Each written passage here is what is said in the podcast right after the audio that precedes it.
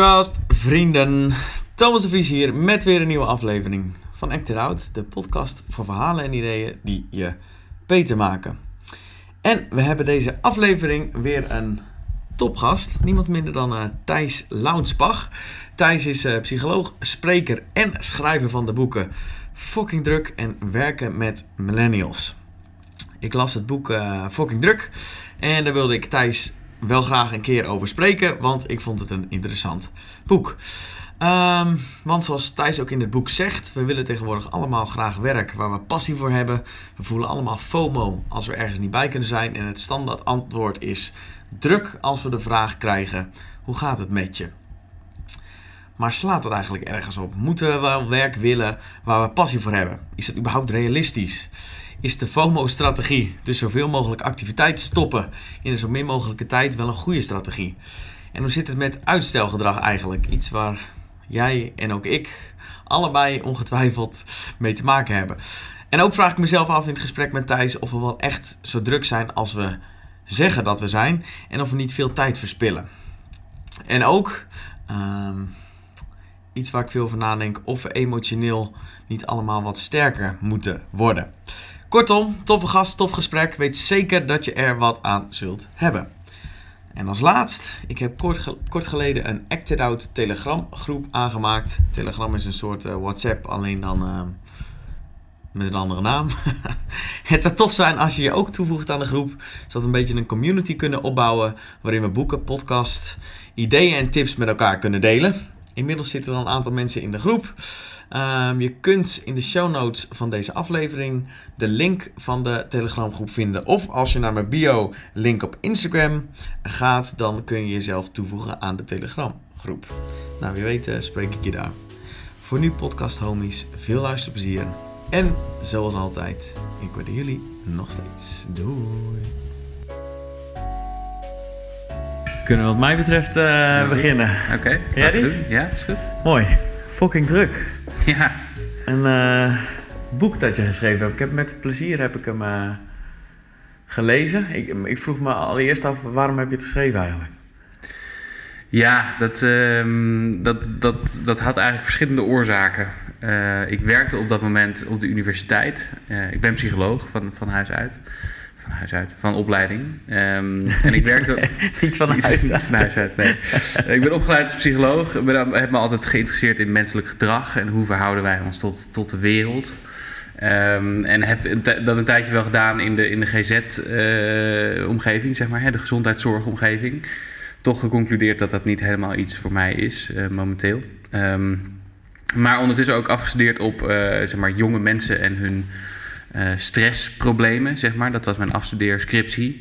En vanaf daar ben ik gaan schrijven over millennials. Uh, toen het nog geen millennials heette, maar quarterlifers toen. En wat, hoe zit het nou met de levens van, van mensen die uh, zo rond de, ergens tussen de 20 en de 30 zijn, zeg maar.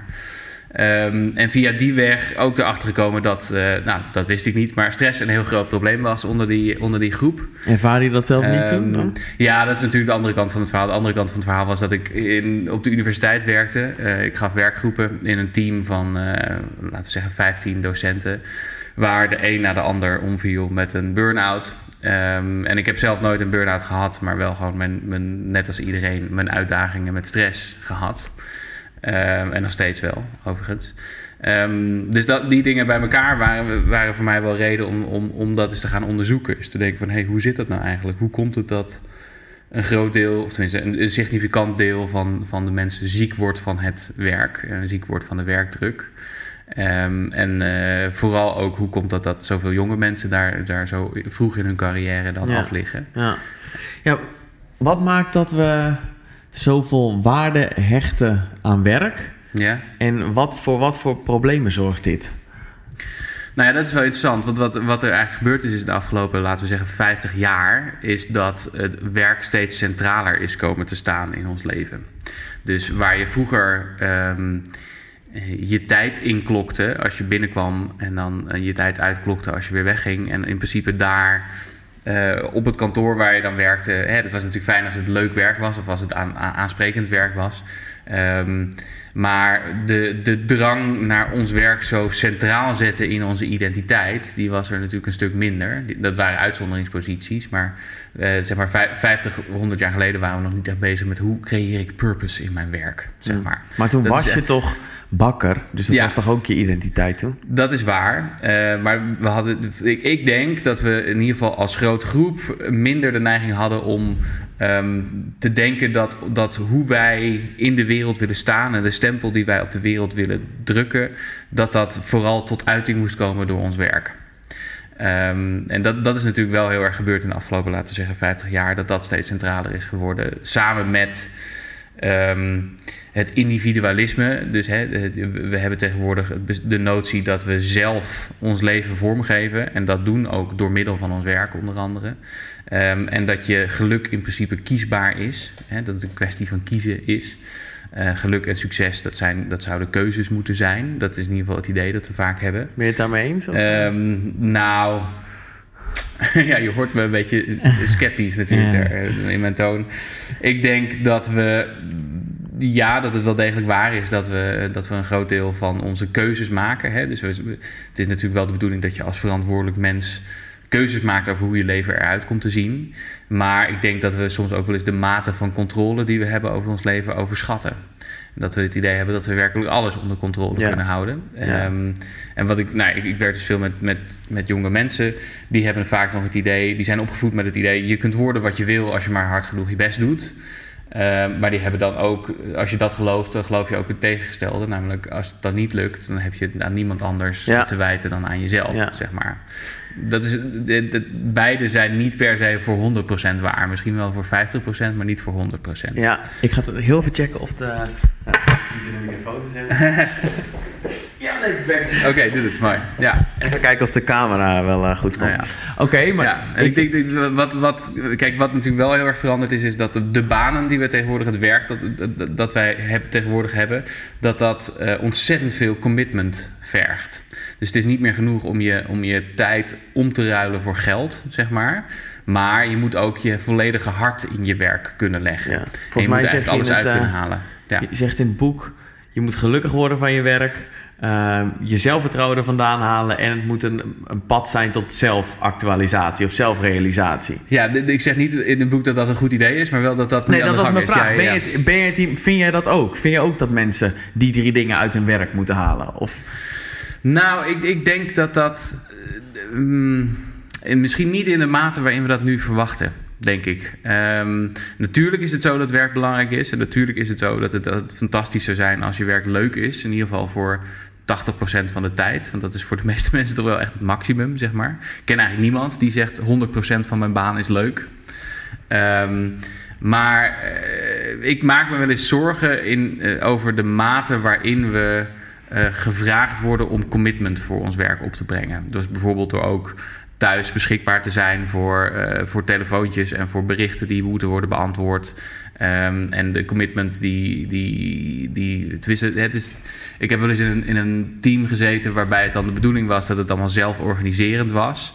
Nou, dat was best wel lastig, want op het moment dat er dan iemand uitviel, betekende dat meer werk voor de andere mensen in dat team, zeg maar. Uh, en er was een groot arbeidsethos, een groot gevoel van: oh, we moeten dit samen oplossen, want dat is heel belangrijk. Um, en dat, dat, dat, dat zorgt er dus voor dat als iemand uitviel, dat dat direct um, zorgde voor meer werkdruk voor de rest van de groep, zeg maar. Um, dus nou ja, ik, ik denk dat dat soort dingen dus, natuurlijk is het, is het belangrijk dat je een goed hart hebt voor je werk. En dat, dat je bezig bent met dingen die je belangrijk vindt. Uh, maar het is niet zo dat, dat werk soort van het antwoord zou, zijn, zou moeten zijn op al je existentiële vragen, okay. wat mij betreft. Oké, okay, oké, oké. Dus daar gaat, misschien schieten we daarin door. Dat denk ik wel, ja. Ja. En er wordt ook handig gebruik van gemaakt. Hè? Want tegenwoordig is het dus. Um, de zaak dat je, dat je werkt vanuit purpose. Dat is dan het nieuwe buzzword in de, in de managementhoek. Uh, Um, ik zou zeggen, er zijn ook gewoon. Dus als je geen purpose vindt in je werk, dan is dat niet per se een probleem met jou. Dat is een probleem met je werk, zou ik dan zeggen. Er zijn ook heel veel banen die geen purpose hebben. Ja. En laat je vooral niet eh, aanpraten dat het komt omdat jij geen purpose hebt. Het is wel grappig dat een CEO van zijn werknemers verwacht dat ze purpose vinden in het werk. Terwijl hij uiteindelijk met eh, alle winsten vandoor gaat. Dat vind ik dan ook. Als dat, Ja, precies. Dus, als, dat, eh, dus ja. als dat van top-down wordt verwacht van mensen. Van ja, je moet purpose vinden. Maar die purpose moet wel in lijn zijn met eh, de kwartaaldoelstellingen die we hebben gemaakt. Dat, moet wel toevallig die Ja, purpose zijn die ja. voor heel veel winst zorgt. Ja, Ja. precies. Volgens mij is Ehm, dat niet iets wat top-down toch wordt. Het moet toch vanuit mensen komen, purpose? Of zie ik dat Nee, dit is het, ik denk dat dat, dat dat hele ding over purpose, hè, dat is, het idee is dus dat je purpose vindt in je werk. Ik vind dat echt een voorbeeld van hoe de, de, de verantwoordelijkheid om het leven zin te geven en de verantwoordelijkheid om je werk zin te geven bij de werknemer komt te liggen. Mhm. Terwijl dat helemaal niet per se, zo, nou, dat is niet helemaal terecht, Nee. denk ik. Nee. Oké. Ehm, even terug naar het identiteitsgedeelte. Ja. Ehm, ik, ik heb ooit een, ehm, eh, een onderneming gestart. Mhm. En aan het begin was dat, had ik helemaal geen klanten, was ik het aan het opzetten. En ik merkte toen ehm, dat ik mijn identiteit daar heel erg aan koppelde. Dus Ja. als mensen dan vroegen van heb je al klanten, zeg ik nee. En dan voelde ik me daar echt kut over. Dacht, ja, god, ik voelde me gewoon een loser, zeg maar. Ja. Hoe koppelen we onszelf los van onze identiteit, werkidentiteit, zeg maar? Ja, misschien wel door te beseffen dat er meer is dan werk in je leven. Oké. Ehm, en, en nogmaals, werk is natuurlijk een ontzettend belangrijke poot van wat je doet. Ehm, maar ik zou zeggen, als je werk ziet vooral als een methode om zelf gelukkig te worden, dan kan je nog wel eens teleurgesteld raken daarin, denk ik. Ehm, en ik denk sowieso dat we, dat we veel van onze zelfwaarde, van wat we vinden over onszelf, zijn gaan ophangen aan, eh, aan, aan ons succes in de wereld. Hè? Zeg maar het kwantificeerbaar succes in de wereld. Doe En het dat wordt dan gauw werk? carrière of geld of de auto. Of... Ja, of, eh, of, of hele leuke kinderen opvoeden. Of ehm, eh, precies doen wat. eh, een leven leiden naar buiten toe op Instagram. Dat, eh, dat ja. eruit ziet als de levens waarvan je denkt dat, mensen ze moeten Ja. leiden. Hè? Dat, dat, Ja, dat soort dingen eigenlijk. Oké. Dus, ehm, ik, ik maak me daar wel eens, wel eens zorgen over dat we toch wel erg veel daarop zijn gaan richten. Van, voor wat betreft eh, eh, onze zelfwaarde en wat we vinden over onszelf. Terwijl dat is, dat is natuurlijk maar een deel van waar je zelfwaarde vandaan komt. Ja. Je stelt ehm, in het boek Mhm. ehm, dat we steeds harder werken. Ja, Ik weet niet of ik het daarmee eens ben. oké. Want? Nou, en dat is echt mijn observatie. Ik heb totaal niet het idee dat mensen hard werken. Als ik om me heen kijk, ehm, en ook als ik, ik vind mezelf bovengemiddeld gedisciplineerd. Mhm. Ehm, zeker als ik het afzet tegen de rest. En ik, ik verspil nog echt heel wat tijd op een dag hoor. Dat ik denk van nou, ik kan, hier- zou weer echt wel meer kunnen doen. Ja. Ehm, ja, het is gewoon niet mijn observatie dat mensen zo hard werken. Dus ik was wel nieuwsgierig. Wat maakt dat jij eh, vindt of zegt of stelt dat, eh, dat mensen nou, hard als je naar de werken? cijfers kijkt, dan zie je dat, dat eh, zeker in bepaalde groepen, hè, on- ondanks dat Nederland kampioen parttime werken is, dat, dat weten we uit de cijfers. Hè, dus we werken meer dan de rest van Europa par, parttime, Ja. vaker moet ik zeggen. Ehm, we hebben wel de neiging om vaker over te werken. Dat is een trend die je ziet. Eh, en om meer beschikbaar te zijn voor ons werk buiten ons werk ook. Daarmee wil ik niet zeggen dat, dat het betekent dat we al onze tijd nuttig gebruiken. Want dat ik Ja, er zit een verschil tussen aanwezig zijn Ehm, en, eh, en productief zijn natuurlijk. Precies, precies. En dat is, het is ook eigenlijk een heel slecht idee volgens mij om, om, om, om mensen die alleen maar een soort van fysiek aanwezig zijn en niet geestelijk aanwezig, toch op hun werk te laten zijn. Ja. Kijk, we weten uit bepaalde onderzoeken, werk, werkgevers vinden dit nooit leuk als ik dit zeg, maar dat het. Er zijn heel veel, eh, heel veel belovende tests worden nu gedaan met een verkortere werkweek. Bijvoorbeeld moet je niet mensen in plaats van 38 uur, 39 uur, 40 uur, moet je ze niet 35 uur of 32 uur aan het werk zetten. Het blijkt dat mensen dan een stuk gelukkiger zijn op hun werk, een stuk gelukkiger zijn in de rest van hun leven en helemaal niet veel minder gedaan krijgen. Omdat het je namelijk dwingt om betere prioriteiten te stellen. Ja. Dus inderdaad, ik denk dat er een ongelofelijke berg geld wordt verspild aan mensen die wel achter hun bureau zitten, maar gewoon hun Facebook aan het checken zijn. Of ja, social 100 media aan het checken Ja, en, en anderhalf uur lunchen en Ja. eh, bij de koffiezetapparaat. En, ja. Ja, dus ik denk dat we af moeten van het idee dat je, dat je productiviteit alleen kunt meten in het aantal uren. Ja, dat dat, slaat helemaal nergens op. Nee, dat is Nee. een heel oud gebruik natuurlijk. Ja. Hè? Dat, was, eh, dat, was, dat komt dus uit die tijd waar ik het net over had, waarin je dus letterlijk wel je tijd omruilde voor, voor je loon, Ja. zeg maar. Ja. Hè? Waarin je gewoon eh, acht auto's maakte of eh, 350 broden bakte, zeg maar. Dat kan je heel makkelijk kwantificeren. Ja. Maar achter een scherm zitten en dan, en dan gewoon of naar de ene website kijken of naar je Excel-sheet kijken, ja, dat, dat, dat is toch een ander verhaal. Oké, dus jij bedoelt meer dat er wel verwacht wordt dat we vaker aanwezig zijn, zowel eh, op het werk als na het werk Ja. nog in staat moeten zijn om een mail te beantwoorden. Maar het is niet per se zo dat we productiever zijn of zo, Nee, dat nee, we nee, meer dat, doen. Dat, dat zeg ik niet. Nee, we, zijn dus vaker aan het werk. We zijn niet per se productiever, denk ik. Nou is het ook niet zo dat je, dat je 100% e- eh, productiviteit kunt halen of effectiviteit kunt halen. Zo werkt het ook niet. Nee. Ik, de- dat, dat interessante boek van, ehm, van Mark Tichelaar gaat daarover bijvoorbeeld focus aan uit. Die, heeft, die maakt heel terecht het punt. Die zegt ja, je, hebt, je brein heeft ook gewoon brandstof nodig. En je, je hebt een bepaalde mate van brandstof per dag. En je kunt jezelf niet daar overheen denken, zeg maar. Ja. Je kunt niet eh, jezelf vermanend toespreken om productiever te zijn. Op een gegeven moment is het gewoon op. En dan moet je hoofd rusten, zeg maar. Maar dat je hoofd rust kunnen geven, dat, dat is, is iets wat er nogal bij inschiet. Ja, dat, dat herken ik wel. Ja. Oké, waar ik. Ik zat hier gisteren over na. Waar ik mee stoei is het volgende. Aan de ene kant ehm, zijn we perfectionistisch. Mhm. Ehm, wordt ons verteld we kunnen alles bereiken. Stellen we veel eisen aan onszelf. Zien we ook een vertekend beeld door iedereen die op social media het perfecte leventje voorspiegelt. Aan de andere kant. ehm, hebben we bedrijven zoals Netflix, zoals Thuisbezorgd, worden we allemaal dikker, luier, minder gelukkig. ja. Is het niet de. ehm, en ik denk dus echt niet dat we meer doen. Ik-. Het lijkt alsof we gewoon minder. Is het niet de inactie? Dus het niet, ehm, eh, het niet doen in combinatie met wel de hoge doelen. Dus we willen heel veel, maar we zijn niet bereid om daar heel veel voor te doen. Is dat niet wat voor frustratie zorgt? En voor onrust en voor ehm burn-outs en al die psychologische problemen, die, mentale problemen die eruit volgen? Ehm, ik denk, ja, dit, dit, dit is een heel goed punt, lijkt me. Het is sowieso lastig omdat je het over een hele grote groep mensen hebt. Hè, dus eh, en masse, als je naar de hele bevolking van Nederland kijkt, dan, dan gaan, worden we misschien dikker of gaan we minder sporten of kijken we meer Netflix of dat soort dingen. Mhm. Ehm, eh, dat wil niet zeggen dat dat voor ieder individu binnen die groep natuurlijk hetzelfde is. Nee, dat, maar dat. waar, waar ik over schrijf is denk ik ook wel gewoon de groep die ehm, heel ambitieus zijn en juist wel die, die hoogpresteerders tussen aanhalingstekens zijn. Ja. Die dus wel die druk enorm ervaren. Aha.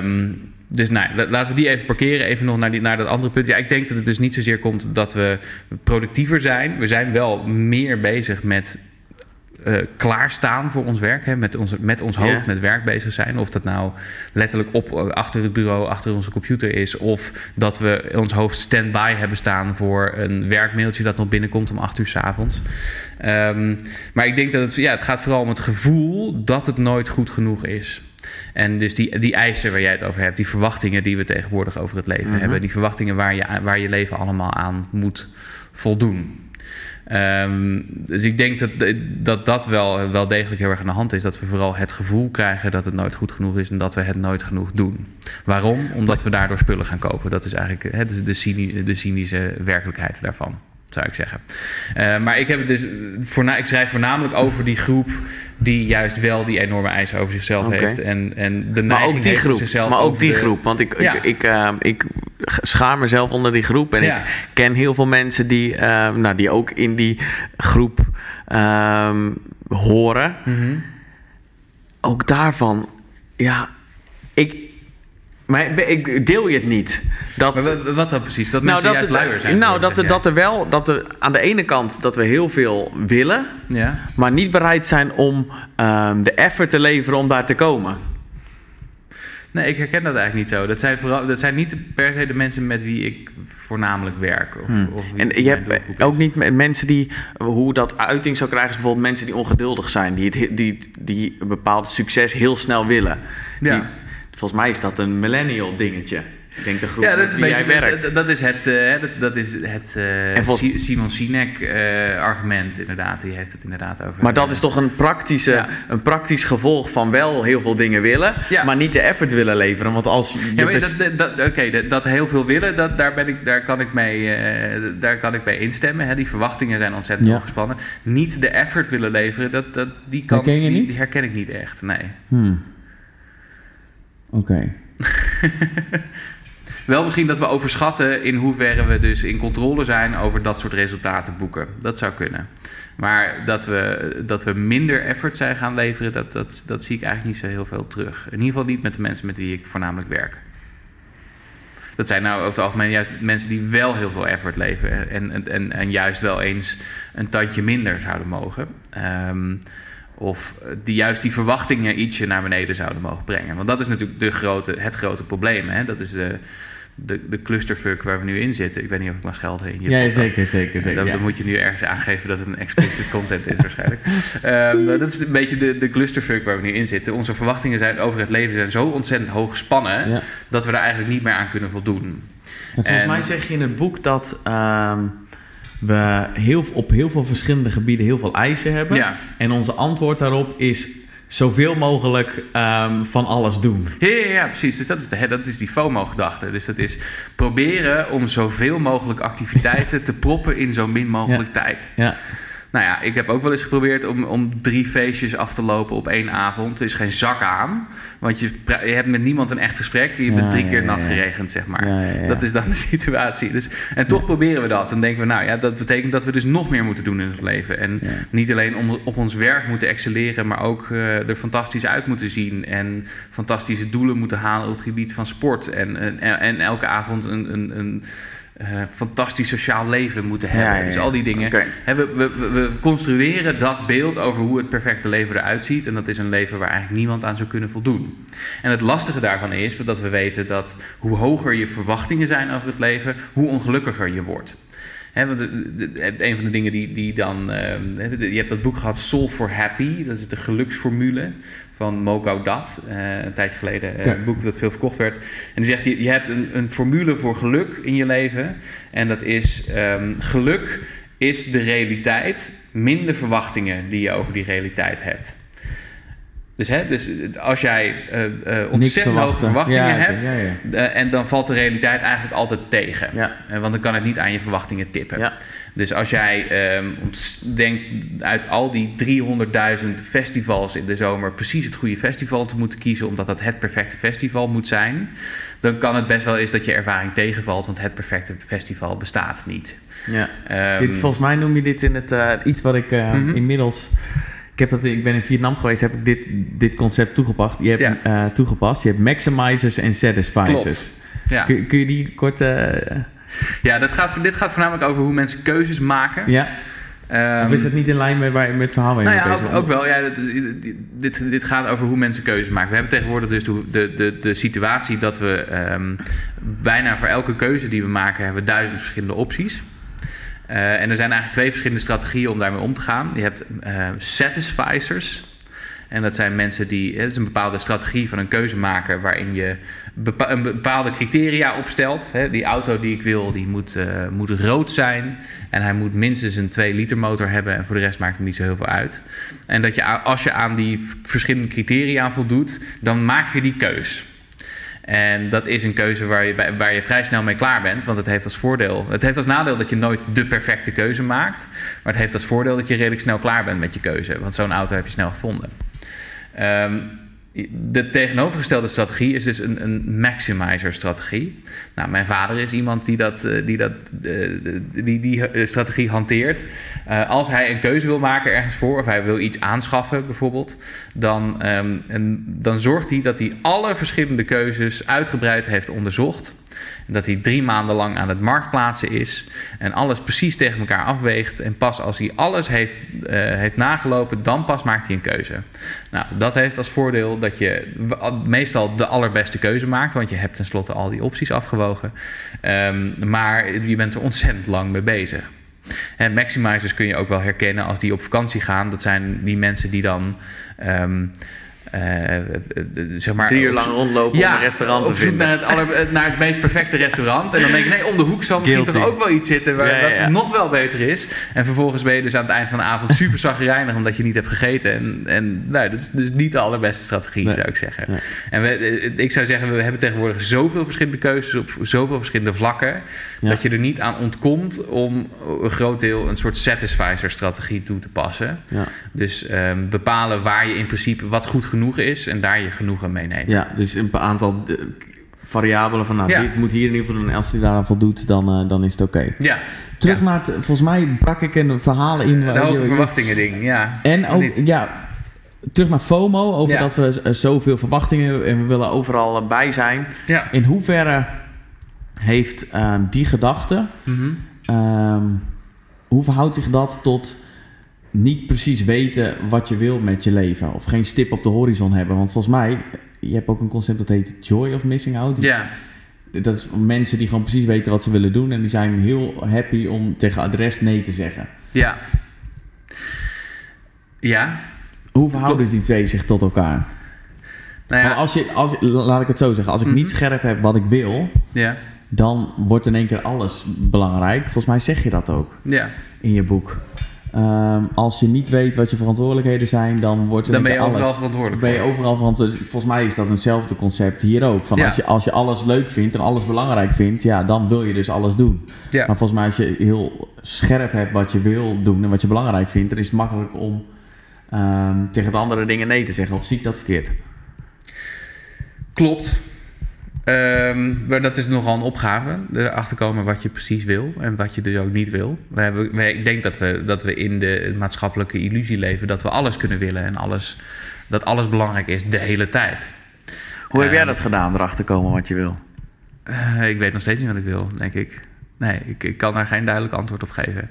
Ik, eh, de- de- hooguit heb ik iets gevonden dat ik gewoon erg leuk vind om te doen momenteel. Dus dat, daar zou ik nu wel mee door willen gaan. Maar ik heb, ik heb het idee losgelaten dat ik een stip op de horizon moet plaatsen. En dat ik dan naar Maar daar is dat niet de stip dan? Doen wat je leuk vindt? Ehm, ja, doen wat ik leuk vind klinkt misschien klinkt tamelijk gratuit. Maar doen wat ik belangrijk vind om te doen. Ja, ja dat is voor nu wel mijn, mijn keuze geweest. Ja, ja.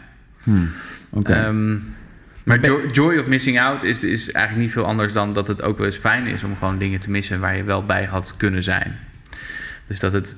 En dat, misschien is dat ook iets wat te maken heeft met wat ouder worden of zo. Dat je, dat je in eerste instantie denkt: Oh, ik moet de hele tijd overal bij zijn. En dat je daarna in een fase komt je, waarvan je denkt: Ja, het is ook wel eens heel relaxed om, op de, om, om een feestje te moeten missen. omdat je op de bank zit. En dat ook wel chill is, zeg maar. Eh, en dan wordt het alternatief gewoon aantrekkelijker, toch?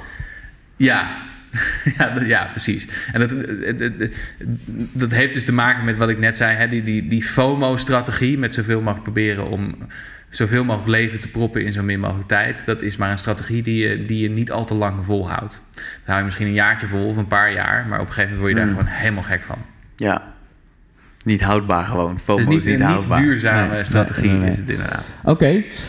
Je hebt het ehm, in je eh, boek ook over ehm, uitstelgedrag. Ja. En dan noem je het voorbeeld van... Hoe heet die kerel ook alweer? Tim, Tim Urban. Tim Urban. Ik Ja. Zou je het voorbeeld kort willen eh, toelichten? Want ik, Oh man, dat is, eh, dat is alweer een tijdje even. geleden. Ja, Tim Urban is dus een, een van mijn favoriete schrijvers. Al schrijft hij eigenlijk geen boeken, hij schrijft blogs. ja. Hij is van de, van de weblog Wait But Why. En hij heeft eh, op een gegeven moment een keer een, een TED-talk gedaan over uitstelgedrag. En daar vertelt hij eigenlijk in hoe hij eigenlijk het werk van zo'n TED-talk aan het uitstellen is. Dat is eigenlijk zijn hele TED-talk. Ehm, en dan, eh, ja, hij, heeft het over, hij, hij beschrijft het als volgt. Hij, hij zegt, ik heb verschillende, volgens mij hebben we verschillende modussen in ons, bre- in, on- in ons brein. We, we hebben in Mhm. ons hoofd verschillende beslissingnemers. Je hebt de gedisciplineerde kant, die zegt, nou, we moeten nou toch echt wat dingen gaan doen. Ik, moet nou, ik kom dit dagelijks tegen als ik, als ik praatjes voorbereid. Ik weet bijvoorbeeld nu over, hè, donderdag moet ik een praatje houden. Maar het voorbereidingswerk van zo'n praatje, daar, dat stel ik altijd tot het laatste moment uit. Dan denk ik, nou, een deel van mij die denkt, nou, ik, moet, hè, ik heb het nu gepland, ik moet dat voorbereidingswerk gaan doen. Eh, schiet nou eens een beetje op, want eh, dat, dat is de tijd die je nu gepland hebt. En dat moet ook gedaan worden, want anders is je praatje niet goed over een paar dagen. Dat is één deel. Maar je hebt ook een, eh, volgens mij noemt hij dat een instant. Ah, ehm, Volgens mij heb je een... Volgens mij is het wat hij probeert te doen... Heb je een, een, een rationeel gedeelte. Je hebt de instant gratification monkey. Oh ja, de instant gratification monkey. Die ja, gewoon ja. zegt, nou, dat voorbereiden, ik vind het gewoon een beetje saai. Weet je wat we gaan doen? Ja. We gaan gewoon Wikipedia afstruinen om te kijken of er nog een leuk feitje te vinden is. Of eh, Reddit, dat is ook best wel leuk. En dan kan je gewoon drie uur blijven scrollen. En die heeft ook nog verschillende categorieën, dus je kan sowieso dagenlang mee bezig zijn. En dat is een soort van instant... ehm, oh, oh, dit vind ik leuk nu, dus dit ga ik doen. Een instant gratification monkey noemt hij dat.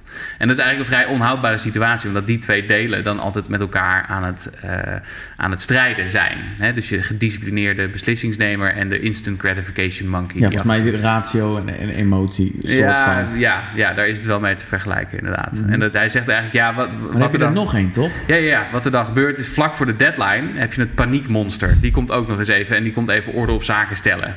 En die zegt eigenlijk, als je nu niks doet, dan gaat het allemaal naar de kloten, zeg maar. Ehm, en, en dat is nou hetgene dat ervoor zorgt dat de instant gratification monkey ophoudt. En dat je daadwerkelijk het werk kunt doen wat, je nodig, hè, wat nodig is. Maar niet op de meest relaxte manier. Dat is, dat is hoe hij uitstelgedrag eh, uitlegt. Hmm. Is het zo vanuit psychologisch perspectief dat ehm, als je weerstand voelt voor een taak en daardoor gedrag uitstelt, dat Ja. hoe groter de weerstand is, hoe belangrijker het is om die taak te doen? Nee, niet per se. Niet per se. Nee? Het is wel zo eh, andersom gezien dat als je een hele grote taak voor je hebt. En zeker een taak die enigszins onoverzichtelijk is, of waarvan je niet weet dat die, wanneer die klaar is, dan zal de neiging tot weerstand groter zijn. Oké. Ja. Dus Ehm, je noemt onoverzichtelijk, dus als je niet precies duidelijk hebt wat er moet gebeuren, dan Precies. zit daar veel weerstand. Ja, als ik weet ik moet een boek schrijven, dan is dat zo'n ontzettend grote taak. Dat, nou, over het algemeen werkt zo, hoe groter de taak, hoe, hoe meer weerstand je er tegen hebt. Eh, en de oplossing daarvan is natuurlijk, ligt redelijk voor de hand. is namelijk de, de grotere taak opbreken in kleinere taken. En het zo specifiek mogelijk maken. Ja. Want als ik weet niet, oh, ehm, ik heb een boek dat er over een half jaar uit moet komen. En dat moet dan geschreven zijn. Maar ik weet, eh, ik, ik moet deze week twee pagina's doen. Nou, dat is een stuk beter te doen. Ja. Of hè, ik, moet, eh, ik, wil, ik, wil een paar, eh, ik wil een paar artikelen lezen, drie, drie artikelen lezen en twee pagina's schrijven deze week. Dan wordt het een stuk behapbaarder, die taak. En dan wordt de, de neiging om uit te stellen omdat de taak te groot is, die wordt kleiner. Mm. Dus dat is, dat is een van de dingen die je kunt doen tegen uitstelgedrag. Is, is zo concreet mogelijk eh, en zo klein mogelijk je doelen opdelen. Zodat het behapbare brokjes worden. Zeg maar. Ja, ja oké. Ehm, en kan uitstelgedrag ook een indicatie zijn dat je met de verkeerde dingen bezig bent? Weet niet, wat zijn de verkeerde? Kun je een voorbeeld geven? Nou, als ik iedere keer enorm optie om ehm, naar mijn werk te gaan, of ik, ehm, ik ben begonnen met een sport Ja. en het kost me steeds meer moeite om naar die sport te gaan, of ik heb een vriend en elke keer als ik met hem afspreek, dan denk ik steeds vaak, denk, ja, ik heb eigenlijk helemaal geen zin. Kan dat ook een indicatie zijn dat die vriend niet oké is, of die sport misschien niet helemaal geschikt is, of je misschien moet veranderen van je baan? Ja, dat, dat, dat, dat zou kunnen. Ehm, maar eh, eh, er ligt nog een andere eh, verklaring nog meer voor de hand. Namelijk dat je verschillende dingen wil. Ehm, dat je misschien wel die vriendschap belangrijk vindt, maar dat je het ook. Ehm, dat, het je ook energie en moeite kost om die te onderhouden, bijvoorbeeld. Of dat je je baan wel degelijk belangrijk vindt, maar dat er ook dingen zijn van je baan Mhm. die je helemaal niet zo bela- belangrijk vindt of eh zonde van je tijd Nee, oké. vindt. zeg maar. Ik, ik, on- Dus, eh, ongetwijfeld ja. dat er meerdere. Maar ik, voor het uitstelgedrag wordt voor mij altijd neergezet van ja, eh, dan moet je gewoon opdelen en dan moet je Ja. oplossingen voor verzinnen. Het kan toch ook gewoon een signaal zijn van oké, als er zoveel weerstand zit, misschien ben je dan wel met de verkeerde dingen bezig. Ja, dat kan. Eh, dat, dat kan zeker. En het kan inderdaad een indicatie zijn. Oh, Kijk, als jij met tegenzin naar je werk gaat elke Mhm. dag, dan is het misschien wel handig om je af te vragen hoe duurzaam is dit? En je kunt best veel doen op discipline. En je kunt best ook wel een hele tijd denken, nou, eh, deze stage die ik nu moet lopen, een, een half jaar lang, is ontzettend vervelend. Maar ik weet dat het de moeite waard is, omdat ik daarna mijn diploma heb. En dan kan ik de dingen doen die ik wel eh, tof vind en belangrijk vind, bijvoorbeeld. Ehm, dus ik zou niet zeggen dat je, dat je bij de minste weerstand moet denken: oh, dit is allemaal de verkeerde kant op. Natuurlijk kun je dat doen en on- ons brein, kijk hoe ons brein werkt. Dus we doen vaak dingen, we, we nemen een beslissing en daarna vullen we het verhaal in voor ons hoofd. Dus dan bedenken we een verhaal waarin het een goede keuze is geweest. Dus ehm, het zou het- wat ik me kan voorstellen is dat mensen die uit bepaalde weerstand ergens te- ne- eh, tegen hebben, dan vervolgens de keuze maken eh, om te stoppen met hun werk bijvoorbeeld, dat die vervolgens een verhaal construeren waarin dat inderdaad de meest ja, logische volgens mij keuze is is. niet als er één keer weerstand is. Nee. Dat, Ehm. Maar ik ben het met je eens. Dus, eh, we moeten denk ik uitkijken met niet alles framen in termen van het, de, jij- jij als individu hebt een probleem. Het kan ook best zijn dat er, dat er inderdaad geen goede match is met je werk. Ja. Of eh, een gebrek aan discipline kan verschillende oorzaken hebben. Inderdaad, niet helemaal op de goede plek zitten kan een van die oorzaken zijn. Ja. Het kan ook zijn dat je gewoon weinig discipline Ja. hebt. Dus, Nou, in, in, in lijn hiermee. Ja. Ehm, dus dat je niet als je één keer, als iets niet leuk is, dat je dan gelijk denkt van nou, het is helemaal verkeerd, ik moet het over een andere boeg gaan gooien. Mhm. Ehm,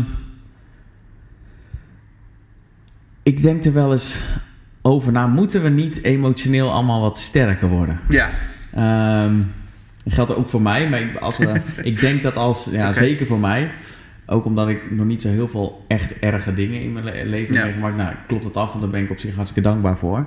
Maar als onze opa en oma's die eh, in de Tweede Wereldoorlog hebben geleefd, als die naar onze problemen kijken en de dingen waar wij mee bezig zijn, ja, die zullen ons uitlachen, joh. Van ja, wij, wij hadden gewoon, wij moesten vechten in, in de oorlog. En dat waren hele erge dingen. En nu- dat, wil ik, dat had ook nadelen, want misschien kropte die we alles op en kunnen emoties niet uitspreken. Dus ik denk dat heel veel goede, ehm, zeg maar, over, met dit soort dingen bezig zijn, heeft ook heel veel goede aspecten. Maar moeten we niet allemaal iets harder worden? Ehm, moeten we niet, ja, Snap je, snap je mijn vraag? Of ik vind het moeilijk om te articuleren, want je, je, je schrijft ook heel veel over burn-outs. En Ja. Ik wil daarmee niet zeggen dat iedereen die een burn-out heeft, dat ze zich aanstellen. Absoluut niet. Zeker Want ik heb ook nee. momenten gehad dat ik veel te hard werkte en dat ik gewoon niks meer kon. Dus ik ken dat gevoel. Mhm. Maar ehm, hebben we niet het verkeerde perspectief, perspectief op sommige momenten? Dat de problemen die we hebben, dat die uiteindelijk nog redelijk triviaal zijn op wat er nog meer kan zijn. Ja, maar dat is natuurlijk niet hoe het menselijk brein werkt. Je vergelijkt niet, als je ergens in een shit situatie komt, dan vergelijk je niet met alles wat er in de wereld nog erger zou kunnen zijn. Maar Je is die situatie dan wel een shit situatie? shit- Eh, Een voorbeeld ja. is dat ik toen ik ehm, eh, ging solliciteren, had ik op een gegeven moment vijf rondes gehad. En de laatste dag verknalde ik het ehm, en werk het niet. Ja, Ja, ik dacht dat het einde. Het voelde voor mij alsof het eind van de wereld was. Terwijl een keer niet aangenomen worden in de laatste ronde, dat is onderdeel van het proces van Zeker. een goede baan krijgen. Dus dat Zeker. hoort er gewoon bij. Alleen, ja. Maar eh, je hebt ook nog een verschil in hoe het is op dat moment, zeg maar. Je hebt het- het- wat de emotionele ervaring is op dat moment. En ehm, hoe je er later relativerend op terug kan kijken. Dat ben ik met je eens. Maar het is, het is, wel, het is wel een heel goed punt. Kijk, mijn andere boek gaat natuurlijk over werken met millennials. Ehm, en dat is vooral gericht op, eh, op managers die dus omgaan met die groep. En een van die dingen die over deze groep vaak wordt gezegd, is dat ze eigenlijk wat weinig te maken hebben gehad met tegenslag in hun jeugd, bijvoorbeeld. Is een beetje wat op af te dingen, want ik denk dat dat niet helemaal waar is. Maar ik denk wel dat, dat, de- dat, dat deze groep waar ik dan over schrijf, dat zijn de mensen die tussen de 1980 en 2000 zijn geboren. Dus die zijn tussen, nu tussen de 19 en de 39. Ehm, eh, dat, dat die in welvaart zijn opgevoed. En ook wel met het idee dat het kind heel belangrijk is. Ehm, en dat eigenlijk eh, alles kon en alles mocht. Eh, dat is later heel erg veranderd, zo rond, eh, rond de crisis van 2008, 2007, 2008. Ehm, maar ik denk dat dat wel vaak de, de, de realiteit is geweest voor die groep. En, en wat je daarover vaak hoort, is dat ze inderdaad niet zo weerbaar zijn voor tegenslag. Ehm, en dat, dat, dat, ik, ik ben het daar in zekere zin ook wel mee eens. Je hebt, je hebt het idee van, volgens mij heet hij Nassim Talib, Taleb, Sintelen, ja. Ehm, over antifragiel. Ja. Die zegt, eh, je, hebt, je hebt breekbare dingen, zoals een, een ei is tamelijk breekbaar. En je hebt onbreekbare dingen, zoals titanium. Dat kan je- dat kost heel veel moeite om, om te breken. Maar je hebt ook nog iets anders, dat is namelijk eh, antifragiele dingen. Spieren. Ja, en dat is bijvoorbeeld inderdaad je spieren. Hè? Ja. Daar, dat merk je aan als je, als je een maand in je bed ligt eh, en je gebruikt je spieren niet, dan gaan je spieren achteruit. Je spieren hebben een bepaalde weerstand nodig Ja. om zich tegen af te zetten, om, om hun potentie te ontwikkelen, zeg maar. En dat is antifragiel. En een ander voorbeeld zou zijn. ehm, mensen, de, de software designers doen dat nog wel eens. Die, die maken dan een versie van hun software. En die, gebruiken, die gooien ze onder duizend mensen eh, de wereld uit. En die gaan het allemaal gebruiken. En die lopen tegen bepaalde problemen aan. En die problemen worden dan opgelost. Ja, auteurs hebben het ook. Auteurs Neg- hebben het ook, negatieve, eh, negatief nieuws is ook eh, goed Klopt. nieuws, zeg maar. Of nee, de aandacht is ook aandacht. Ja, ja, dat zit daar ook in. Hè? Dus eh, als je aut- auteur bent, dan schrijf je in principe een, een boek om bepaalde ideeën te ontwikkelen. En vervolgens ga je die ideeën verder ontwikkelen, omdat je Ja. er steeds over moet praten. Dat is wel grappig, Ehm, want die Nassim Taleb is ook auteur. En Ja. die, iedereen die populair is in het nieuws, die gaat hij tegenaan zitten schoppen, omdat hij zelf dan meer eh aandacht krijgt. Dus hij Ja. doet zijn eigen practice what you preach, zeg maar. Ja, precies. Maar dat is dus antifragiel. Hè? Dingen, eh, die, dingen die de eigenschap hebben om onder druk sterker te worden. Ehm, en ik denk, ik, ik denk wel eens dat, dat dat een van de grote uitdagingen van deze tijd is. Hoe krijg je mensen antifragiel? Hoe zorg je dat mensen niet bij het minste of geringste uit het lood geslagen worden? exact. Maar dat ze ehm, juist ook leren om door tegenslag zichzelf te verbeteren. Ja. Oh, en het, ja. dat, dat, in lijn hiermee, sorry dat ik Ja. onderbreek. Het is toch ook de, ehm, het doen van moeilijke dingen en het omgaan met tegenslagen en dat overwinnen wat volgens mij betekenis geeft aan Ja. je leven en wat je een beter persoon maakt. Het zijn Ja. volgens mij altijd, als ik kijk naar mijn eigen leven, de momenten dat ik het moeilijk had. En daar kijk ik met trots op terug dat ik het eh, overkomen ben. Ja. En dat heeft het meest, voor de meeste ontwikkeling gezorgd. Ja. Ehm, wat punt dat ik wil maken? Nou, ja, dat, is, dat belangrijk ook- is om, eh, om Ja. wat emotioneel weerbaarder te worden en Ja. moeilijke dingen te doen. Ja, en wat dat betreft zou je kunnen zeggen, zijn we in, het, in, in de manier waarop we nu kinderen bijvoorbeeld opvoeden en kinderen eh, opleiden in, eh, op, op, scholen en zo, zijn we misschien wel totaal de verkeerde kant op aan het gaan. Dat iedereen een medaille krijgt of zo? Eh, of? ja, nou ja, dat is het, het, het stereotype beeld over millennials. Hè, dat het de generatie is die eh, niet alleen een medaille kreeg voor het winnen van de wedstrijd, maar ook voor het meedoen aan de wedstrijd. Ehm, en dat als je een blokkentoren aan het bouwen was en je kon niet bij de, bij de hoogste plek, dat dan papa of mama even kwam om je te helpen om daar het blok neer te leggen. Ehm, ja, dat is dat wel is duidelijk stereotypisch, inderdaad. Maar het, het is ook wel waar. Hè? Dus de, de notie van curling-ouders krijg je dan. Nou, curling is natuurlijk de Olympische sport met die disc die over het ijs gaat. En Oh, mensen ja. met die bezempjes die Oh, ja. ervoor gaan. nou, dat idee, maar dan met ouderschap. Hè? Alle problemen uit de weg ruimen. Ehm, en wat dat betreft zijn we denk ik ook wel een beetje de verkeerde... Ik, ik heb net daar een heel interessant boek over gelezen. Het heet The Coddling of the American Mind. Van Jonathan eh, Haidt, hè? Jonathan Haidt, Ja. ja. ja, die, ehm, die heeft het daarover. Die heeft het bijvoorbeeld over het idee van safe spaces. Moeten scholen, moeten universiteiten nou een plek zijn waar je ehm, eh, veilig bent voor dingen waar je het niet mee eens bent, of veilig bent voor dingen waar je eventueel gekwetst door zou kunnen worden?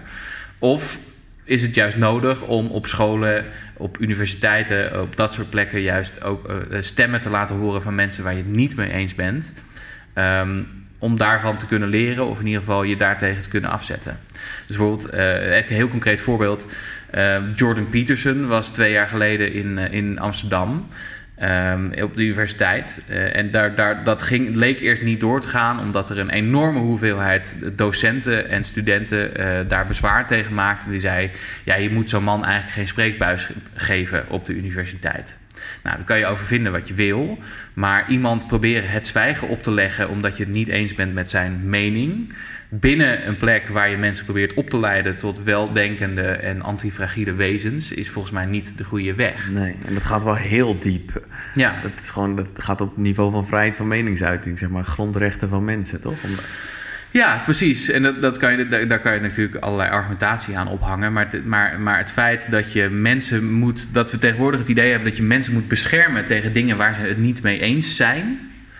Ehm, of beschermen tegen iets dat ze eventueel zou kunnen kwetsen. Ik denk dat dat een heel slecht idee Ja. is. Ja. Ja.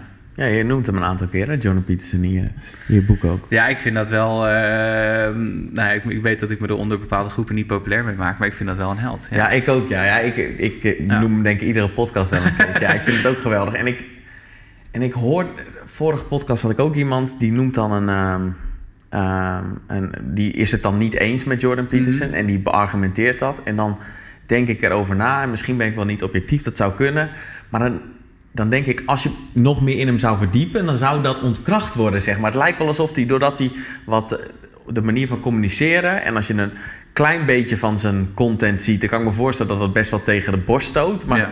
ja, ja, nee, goed, ik ben fan, laat ik het zo zeggen. Ik vind hem onbegrepen. Ik, Ja. ik vind hem onbegrepen, dat Ja, sowieso. Je hebt enorme critici en je hebt fanboys. Dat Ja. is eigenlijk de situatie. met, met Maar ik spreek hier dus met een mede-fanboy. Nou ja, niet, niet alles hoor. Ik vind eh, niet alles wat hij zegt even sterk. En vooral als hij zich met politiek bezighoudt, ben ik het niet altijd met hem eens. Maar wat hij zegt over verantwoordelijkheid nemen voor je leven. En je leven zo indelen dat je verantwo- niet alleen verantwoordelijkheid neemt voor je eigen leven, maar ook eh, verantwoordelijkheid kunt dragen voor anderen en voor je gemeenschap. In plaats van dat je bezig bent met wat kan ik krijgen en word ik niet gekwetst en is, eh, is mijn, worden mijn rechten niet in twijfel getrokken.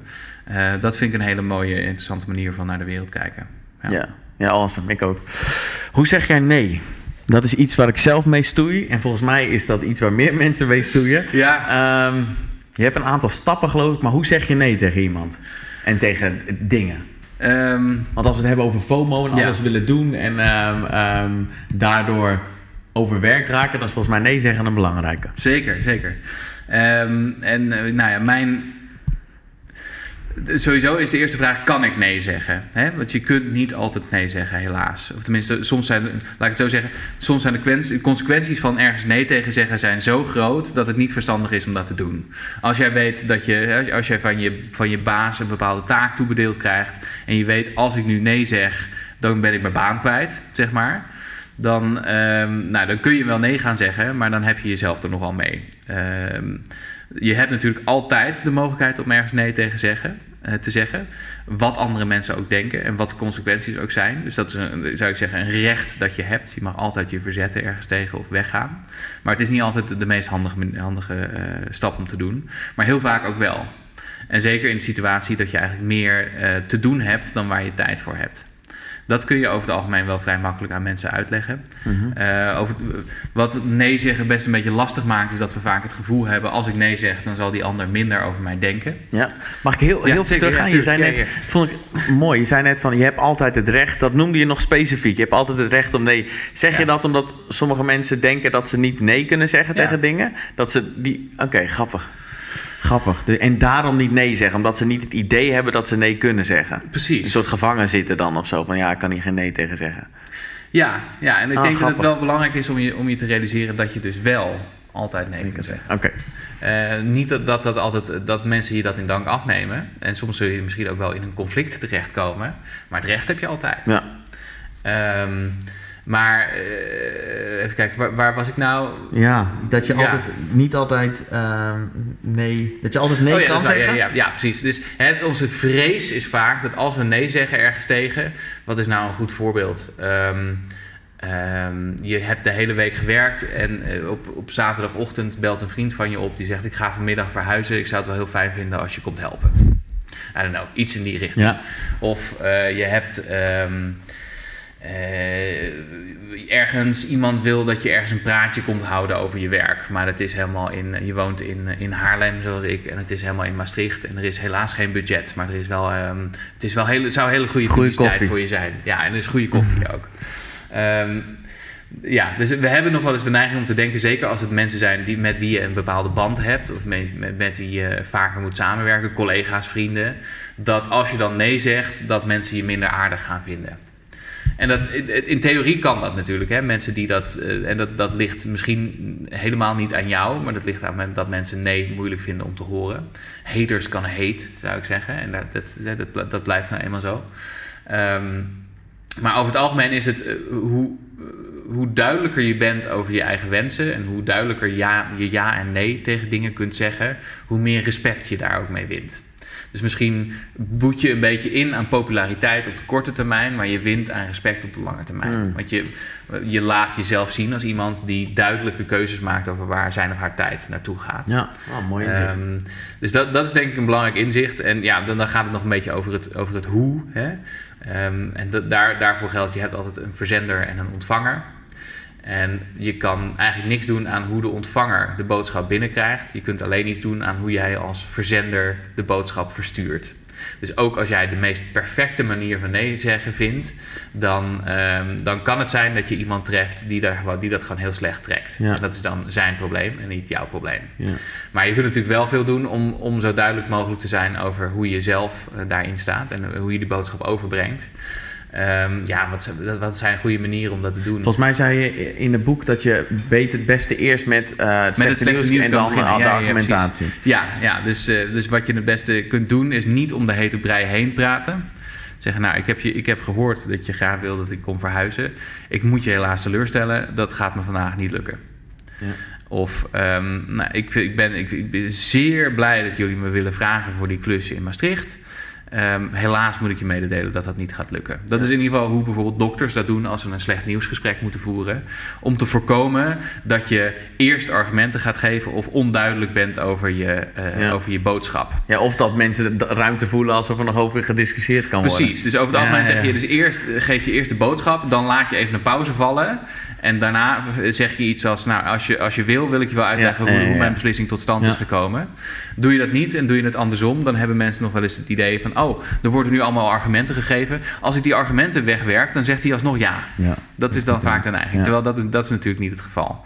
Ehm, en ja, wat, je kunt eigenlijk altijd zeggen: ik heb er helaas nu de bandbreedte niet voor. Of ehm, ik moet helaas een andere keuze maken. Eh, ik, eh, hè, ehm, eh, natuurlijk wil je graag dat ik ergens naartoe kom, maar ik, moet, ik, ik, ik, heb ook ander werk te doen. Ja. En dat vind ik op dat moment, dit moment belangrijker. En dat zegt niks over jou als persoon, maar dat zegt over hoe ik mijn werk nu indeel. Ehm, dus dat, ja, dat soort trucjes kun je wel gebruiken om dat, om dat in te dekken. Maar het gaat dus vooral over de vraag: mag ik nee zeggen? En ehm, nou ja, ook jezelf een beetje indekken voor het, nou, de mogelijkheid dat iemand wel echt boos wordt. En dat is dan nou zomaar even zo. Ja. Ik zit naar de tijd te kijken. Het is Zeker. tien over twaalf. Ah, ik moet weg. Ehm, ik heb nog één onderwerp en dan nog het, twee laatste vraagjes. Je hebt ehm, in je boek een tijds, op een gegeven moment een grafiek van een tijdsbudget. ja, En dat vind ik een mooie, vond ik een mooi inzicht en een belangrijk inzicht. Ja. Kun je kort uitleggen wat het is en vervolgens hoe je het zelf hebt in je leven? Wat de consequenties daarvan waren toen je daarmee bezig ging? Of Ja, eh, ik, is grappig. Ik heb hier laatst nog een lezing over gehouden. Is, ik vind dit een fascinerend onderwerp, hoe mensen tijd ervaren. Ehm, want iets als social media bijvoorbeeld maakt bijvoorbeeld heel handig gebruik van het feit dat je eh, de tijd die je daar aan besteedt nooit in één blok doet, maar steeds in kleine, korte eh, hapjes van je tijd tussendoor. Als je aan het eind van je dag ziet dat je twee uur op, zo, op, op Instagram hebt gezeten, dan schrik je je een hoedje. Ja, ik schrap me de tering. Daar heb ik het ook verwijderd. Ja, precies. Ja, dus- Ja. En dat is ontzettend zonde van je tijd, maar je hebt het niet door omdat je dat in kleine blokjes doet van 10 minuten. Zeg Ja. maar. dat, is, dat is min of meer wat gebeurt. Terwijl als je, als je meer een soort een beetje uitzoomt en naar je tijd kijkt als iets dat, dat, dat eigenlijk maar heel erg beperkt is. En waar je dus belangrijke keuzes moet maken over wat je wel en wat je niet doet, dan krijg je opeens- een heel ander beeld. Bijvoorbeeld dat je maar 168 uur in een week hebt. Dat zijn je uren die je hebt. Nou, de helft daarvan slaap je. Nou, de helft zou, zou overdreven zijn, maar de helft daarvan ben je bezig met, laten we zeggen, slaap en eten en persoonlijke hygiëne. Ehm, eh, dan heb, ben je ook nog een deel kwijt aan forensen. Nou, dan is je werk ook nog eens een behoorlijke hap. Dus dan heb je eigenlijk maar iets van, wat is het, 35 uur over voor alle andere dingen in je leven die je belangrijk vindt. Nou, als je dat dan, als je twee uur per dag Instagramt, dan, is dat, dan, dan zijn daar aan het eind van de week al 14 uur van weg. En dan heb je nog maar 20 uur over om dingen te doen. Nou, dat, dat, zou, dat is een manier om heel kritisch Ja. te kijken naar, naar je eigen ehm, tijd die je indeelt. Eh, en dit is, nou ja, ook, ook als je, eh, ja, misschien is dat leuk om nog naar te linken in de, in de notes of zo. Maar je hebt daar ook een bepaald eh, aan- aantal blog, blogs van Tim Urban, hè, waar we het eerst over hadden nog. Hebben die met Ehm, relaties? Heeft hij die? Van als je, je, als je twee keer per jaar een bepaald familielid ziet dan, Ja. en je leeft nog 40 jaar, dan is het nog 80 keer. Precies. Die heb ik dus Ja. toen schrok ik zo hard. Ja, dus als je dat interessant ik, ik, ik, ben even de, de titel kwijt van die, van blog, maar dit is in, in ieder geval een manier om, om je tijd op aarde visueel te brengen. Je kan dus hè, de jaren die je hebt in een leven van 90 jaar, die kun je in een grid zetten van, eh, van, van 9 bij 10. En dat zijn alle, alle jaren die je hebt. Nou, mijn jaar, dit jaar is voorbij gevlogen, werkelijk. Eh, en dat is er weer eentje van die lijst af, zeg maar. Nou, nou zo, op- op die manier kun je je tijd indelen. In ieder geval het... het ehm, het punt is dat je je tijd, dat dat eigenlijk misschien je meest schaarse goed is om te geven. We denken vaak dat dat geld is, maar dat is niet per se Nee. zo. Eh, de tijd die je hebt, die kun je maar één keer uitgeven. En die kun je ook niet sparen. Je kunt het ook niet beleggen zodat je meer terugkrijgt. Je hebt het echt maar, je kunt het maar één keer uitgeven en that's it. En dat maakt het het allerbelangrijkste wat je, wat je kunt eh, indelen. En ik zou dus zeggen, er zijn bepaalde dingen die bijvoorbeeld die, die ontzettend slimme mobiele telefoons die we nu hebben en die social media, die op een hele slimme manier die tijd wegpikken van ons. En dat is, dat is zou ik zeggen, een enorm diefst, enorme diefstal. eh, die je niet moet laten gebeuren. Dus eh, ja, je tijd inzichtelijk maken voor jezelf, ook al is dat niet leuk, want dan zie je dat je nog maar beperkt de tijd hebt. ehm, is denk ik een hele essentiële stap in, in belangrijke keuzes maken over waar je tijd wel of niet naar uitgaat. Ja, ja. Zo zijn de meeste verbeteringen niet leuk. Pijnlijk. ja, ja. Ehm, De tail end heet. Zo de tail end. Oké, ik zet hem in de show notes. Ehm, nog twee voor ik de laatste twee vragen zeg. Thanks Zeker. voor je tijd Ja, en je delen van je, van je kennis en je wijsheden inzichten. Leuk gesprek. Mooi. Waar kunnen mensen je online vinden? Ehm, LinkedIn, Instagram, eh, mijn website, thijslaafspel.nl. Ja. Ja, dat. En je boek Fucking Druk. Ik zal het in je... En werken met millennials. druk, werken met millennials. Ik ja. zal ze in de show notes zetten. Leuk. Ehm, laatste vraag. Wat is jouw definitie van een goed leven? Oh man. Ehm, zo. Nou, toevallig is dit een vraag waar ik de komende tijd flink mee aan de slag ga. Want ik vind het een belangrijke vraag. Het heeft iets te maken met een leven waarop je voor jezelf kunt gaan staan. En op jezelf kunt bouwen. Wat dat precies inhoudt, daar ben ik dus nog mee bezig om dat, eh, om dat voor mezelf vorm te geven. Ehm, maar een goed leven is, is een leven waarin je op jezelf kunt vertrouwen en verantwoordelijkheid voor jezelf kunt nemen. En ehm, op die manier je leven kunt vullen met dingen waar je eh, wijzer van wordt. En waarop je de verantwoordelijkheid kunt dragen voor mensen die het nodig hebben. Goeie. Thanks man. Graag gedaan. Cool. Zo. Leuk.